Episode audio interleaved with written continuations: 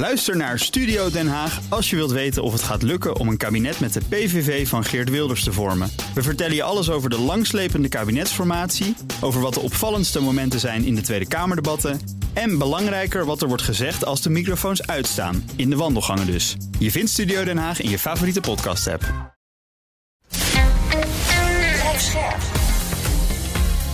BNR Nieuwsradio. Boekenstein en de Wijk.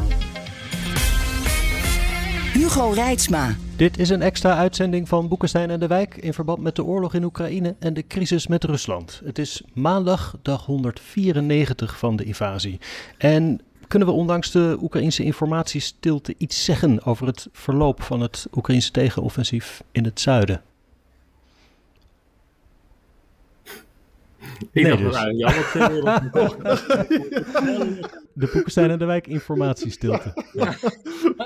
Nou ja, ik zal wel iets zeggen dan. Zeg maar wat. Ja. Nou, er is dus heel veel stilte en het is hartstikke moeilijk om dingen te achterhalen. Maar goed, dan gaan we terug naar het Institute for the Study of War. Hè? Hm. En die zeggen dat er dus twee dorpen in Gerson zijn ingenomen door Oekraïne. Dat is nou niets dat je zegt eh, enorm veel. Hè? En één dorp in eh, Donetsk, daar zitten we dus in het oosten. En de namen worden er daar niet van prijsgegeven. Dus met andere woorden, het lijkt er dus op dat Rob's analyse van een paar dagen geleden: van ja, ze hebben gewoon niet voldoende troepen en ook materieel om daadwerkelijk daar ook een veroveringsoorlog te doen. Hè? Het is eigenlijk veel meer dat ze bezig zijn om de logistiek van de Russen in de war te storen en ook de Russische troepen die daar zitten eigenlijk te omsingelen en va- van logistieke hulp af te snijden. Klopt Ja, dat erop? Ja, dat, dat klopt. En dat is ook min of meer bevestigd door Oekraïne nu zelf. Een aantal onbekend gehouden eh, officials die heeft eh, gezegd van eh, dat offensief is nu vooral in het zuiden bedoeld om de Russische troepen te verzwakken. Nou, dat betekent dus inderdaad aanvallen uitvoeren op logistiek, dus munitieopslagplaatsen, hoofdkwartieren, maar ook op, op aanvoerroutes. En die gaan dan over het water in belangrijke mate. Hè. Ehm, en wat je dus inderdaad ziet op dit ogenblik is dat zij ook zeggen van eh, we hebben op dit ogenblik niet de mogelijkheden om grote gebieden te veroveren. Eigenlijk hebben ze dat een klein beetje anders gezegd. Het is niet de bedoeling om grote gebieden te veroveren, maar dat betekent natuurlijk dat ze daar de middelen niet eh, voor hebben. En dat- ja, dat, dan, dan klopt het inderdaad dat ze dat eh, hele gebied ten westen van de, van de rivier eigenlijk proberen te, te bestoken met hun, eh, met hun eh, lange afstandssystemen.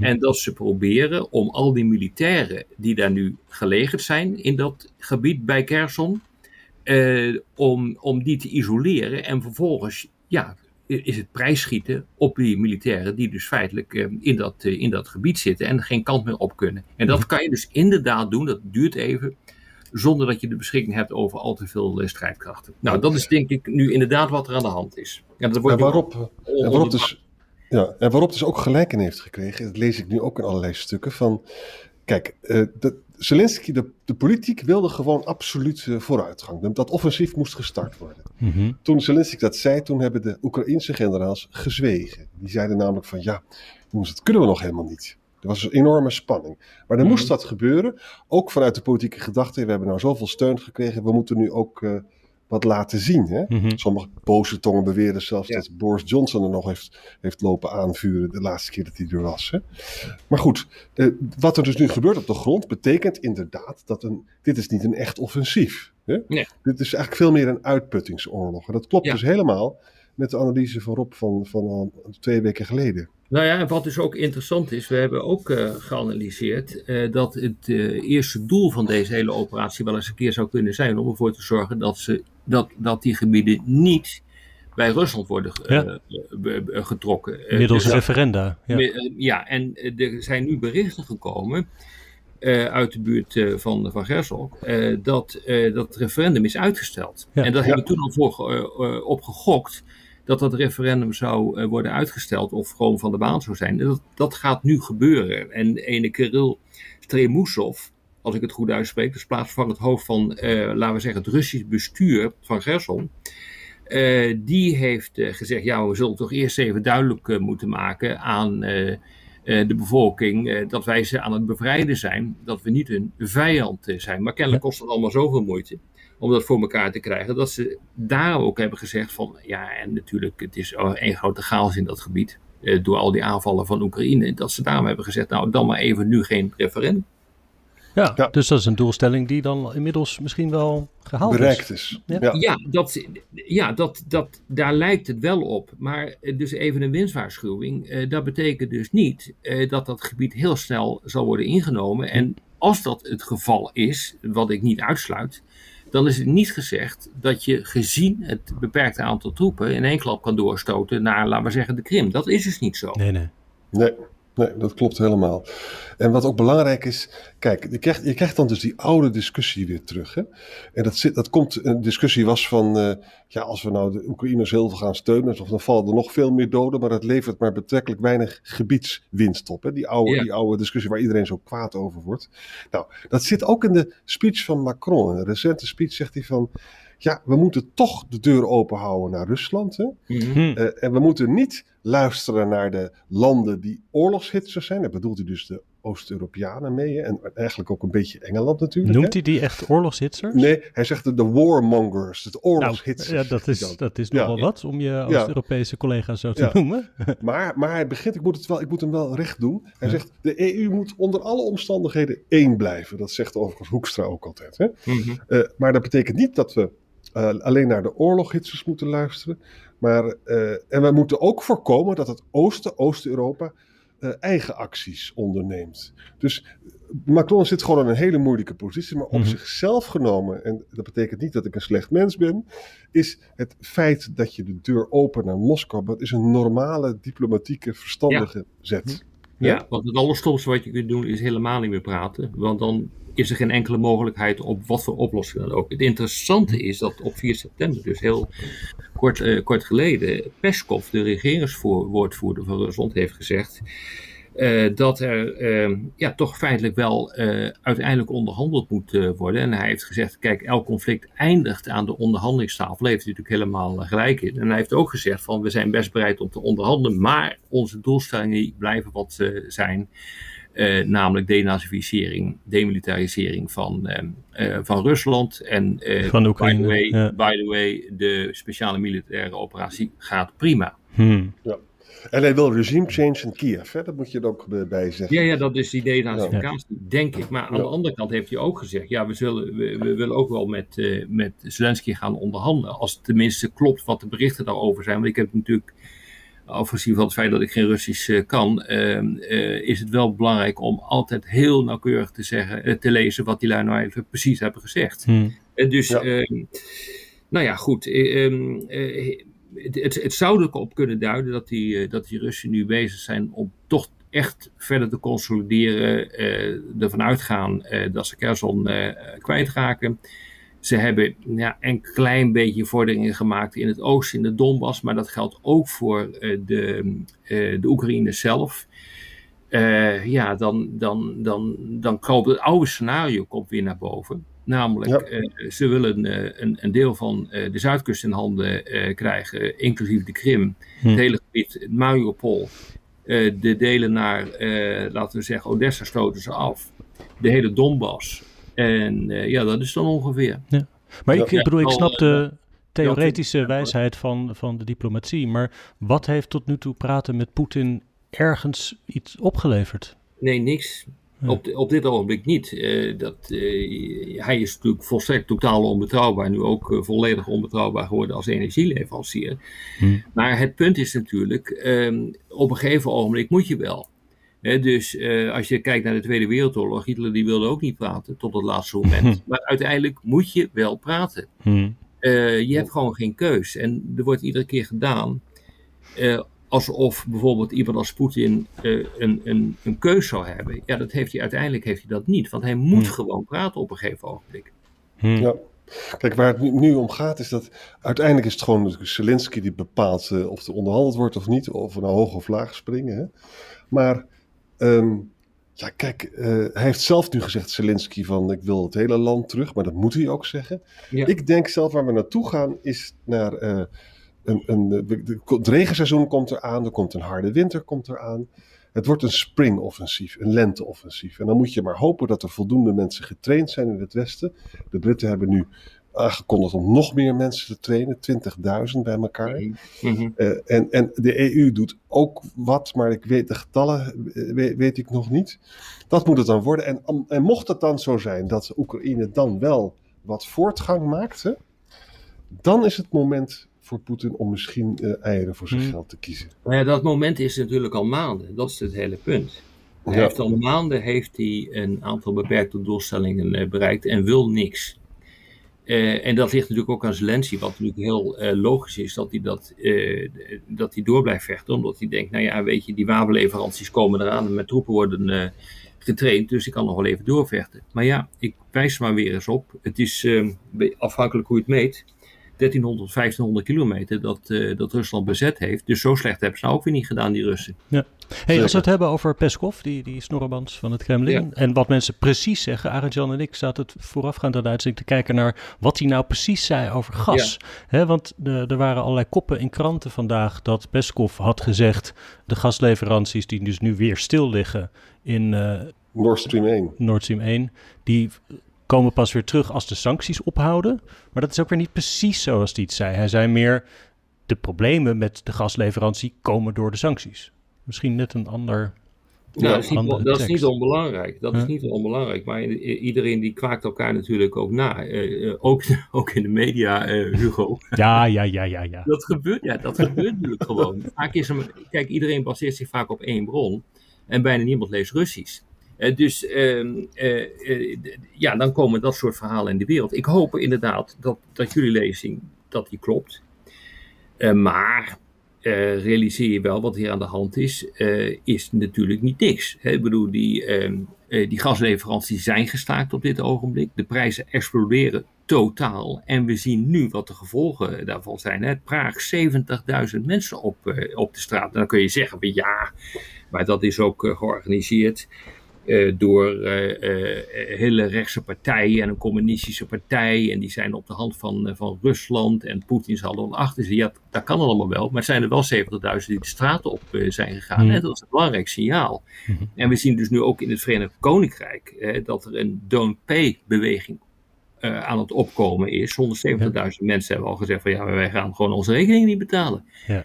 En dat hebben we een keer eerder in, eh, in het Verenigd Koninkrijk gezien. Eh, dat, dat zijn de zogenaamde poll tax riots. Onder, in de nadagen Oh. van Texas, eh, van eh, Thatcher. Thatcher. Ja. Eh, begin jaren negentig, eh, toen ging het eh, om lokale belastingen, die gingen omhoog. En de mensen zeiden van, bekijken, maar we betalen het niet. Dat heeft, dat heeft tot de ondergang van Thatcher Mhm. geleid. Geleid. Een belangrijke bijdrage daaraan eh, geleverd. Hè? Dus eh, je ziet overal, zie je dit nu gewoon van de rails lopen. Dus ik denk dat, ehm, eh, dat eh, Poetin denkt, ah, dit gaat goed. Hm. Dit gaat goed. Ja. Wat vind jij eigenlijk, Jan?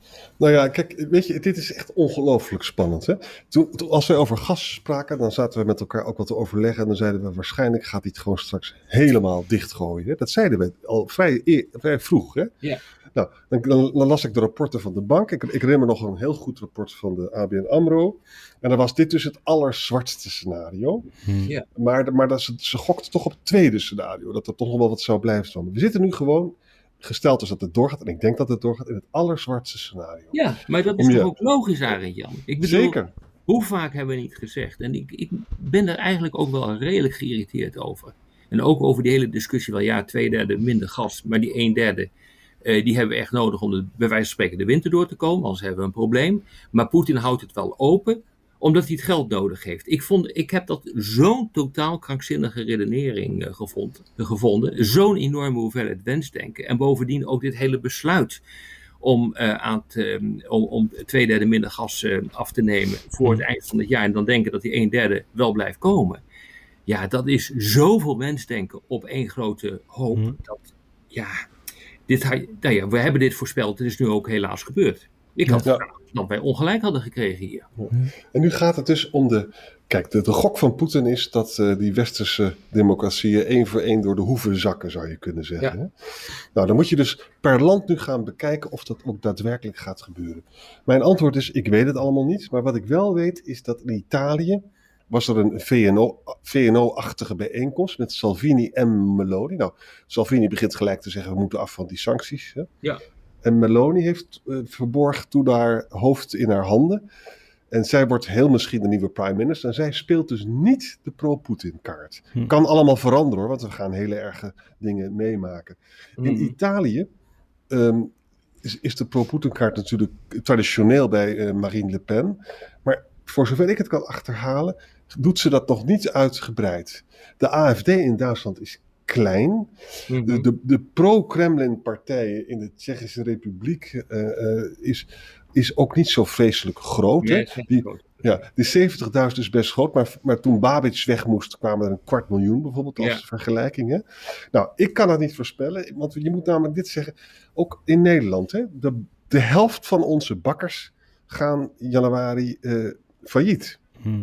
Nou, dat, dat is nogal wat, lijkt me. Hè? Dus dat betekent dat je net als tijdens de COVID-periode moet je gigantische steun nu gaan geven eh, aan, aan bedrijven. Nou, dat, dat vereist een ontzettende, eh, heel stabiel kabinet. Dat hebben we volgens mij ook niet. Hmm. Aan de andere kant, wat ik dan wel tegen mezelf zeg, het- oké, het is allemaal waar. Het is verschrikkelijk, hè. Maar het kan ook zijn dat mensen dan zeggen, ja, het is allemaal zo erg wat eh, Poetin daar gedaan heeft.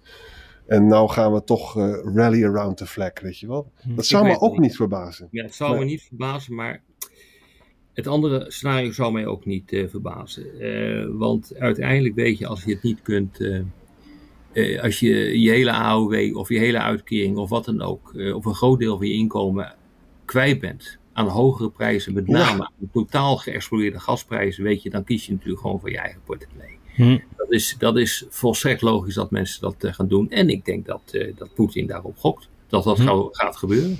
Ja, Ondertussen moeten we het van de OPEC ook niet hebben, hè? want die hebben vandaag besloten minder olie op te pompen om de prijs een beetje hoog te houden. Maar er heeft zich wel een eh, nieuwe redder aangediend, die vanmiddag zei, wij hebben veel gas en wij kunnen Europa prima helpen. Onze vrienden Iran. Zeker, ja. En, OPEC, Ja. ja, en OPEC is heel belangrijk, hè, jongens. Want Biden ging er naartoe om te smeken om meer op te pompen. Toen zeiden ze van ja, we doen al zoveel. Hier zie je dus ook de relatieve achteruitgang van het Westen. OPEC trekt gewoon zijn eigen agenda. Hè? En dat doen ze omdat wij begonnen te praten over een price cap. Nou, dat willen ze helemaal niet hebben natuurlijk. En ze doen het ook omdat er heel misschien een Iran-deal aan te komen zit. En dan komt het Iraanse eh, olie eh, en trouwens ook gas komt dan vrij. Dus het is, het, het is nogal wat hoor. Dit is, Biden vindt het natuurlijk verschrikkelijk. Het Ja. gaat om een heel kleine kut, 100.000 barrels a day. Maar toch, het is, ze laten even hun macht ook gewoon weer Ja. zien. Hè? Ja, ja, ja. Nee, maar het is natuurlijk wel heel erg interessant hè, dat mensen, eh, of dat leiders in Venezuela, Saoedi-Arabië, Ja. Iran, waar we dan toch niet al te prettige banden mee hebben, dat die dus nu ineens kunnen zeggen van eh, jongens, eh, we kunnen jullie wel eh, een handje helpen. Mhm. En dat is ook precies wat er op dit ogenblik eh, aan de hand is. Nou Ja. ja, het, eh, ik- het zou mij niet verbazen ook als er snel een Iran-deal op deze manier aankomt. Weet het niet, Ja. maar het zou me Ja. niet verbazen. Ja. En nog even terug naar het, naar het eh, de populisme en, en het eh, de probleem met de burgers. Hè. Misschien dat je dit kan zeggen. Duitsland heeft nu een 65 miljard steunpakket. Hè. Eh, Zweden 23 miljard voor de energiemaatschappij. Ne- Nederland 15 miljard. Nederland 15. Ja. Frankrijk tot nu toe al 26 miljard. Ja. Engeland doet geen zak eraan. En Ja. eh, dus dan gaan er gewoon oude vrouwtjes gaan er doodvriezen. Hè? Ja. Eh, Kijk, en dat betekent dus dat eigenlijk zou je op, op, op basis van deze cijfers kunnen voorspellen dat in Engeland inderdaad die beweging van don't pay your energy bill heel groot gaat worden. Hm. Simpelweg omdat dat geen herverdelende maatschappij is. En dat is Nee. natuurlijk in Nederland is het uit mijn hoofd 500 plus 1300 dit jaar. En dan komt er nog meer aan in januari. Hè? Ja, die 1300 trust voor de die kan de, die, ja, de, die trust die, eh, nou, die heeft wel een klus, hè? Jezus. Poeh, ongelooflijk, ja. Ja. Echt ongelooflijk. Komt geloof ik vandaag of morgen met een plan, toch? Met heel veel geld. Ik zag al 100 miljard genoemd. Trust is ook wel van het eh, geld uitgeven. Nou ja, kijk, weet je jongens, als dit allemaal gaat gebeuren met dit soort astronomische bedragen. En we hebben net de, eh, de COVID-crisis achter de rug, waar ook astronomische bedragen voor zijn vrijgemaakt. Dan stapelt, stapelen de problemen zich natuurlijk ook op financieel gebied helemaal Ja. op. Dus alleen al dat is volgens mij, ik ben geen econoom, maar een reden voor inflatie als je dit gaat, eh, gaat doen. Zeker. Hmm. En, en ook het punt, kijk, Nederland heeft niet zo'n hele grote staatsschuld. Wij kunnen nog wat dingen doen. Italië heeft een hele grote staatsschuld. Frankrijk ook. Dus ook vanuit die route kan je weer de landen voorspellen waarbij je minder slek in het systeem hebt om mensen te compenseren. Ja.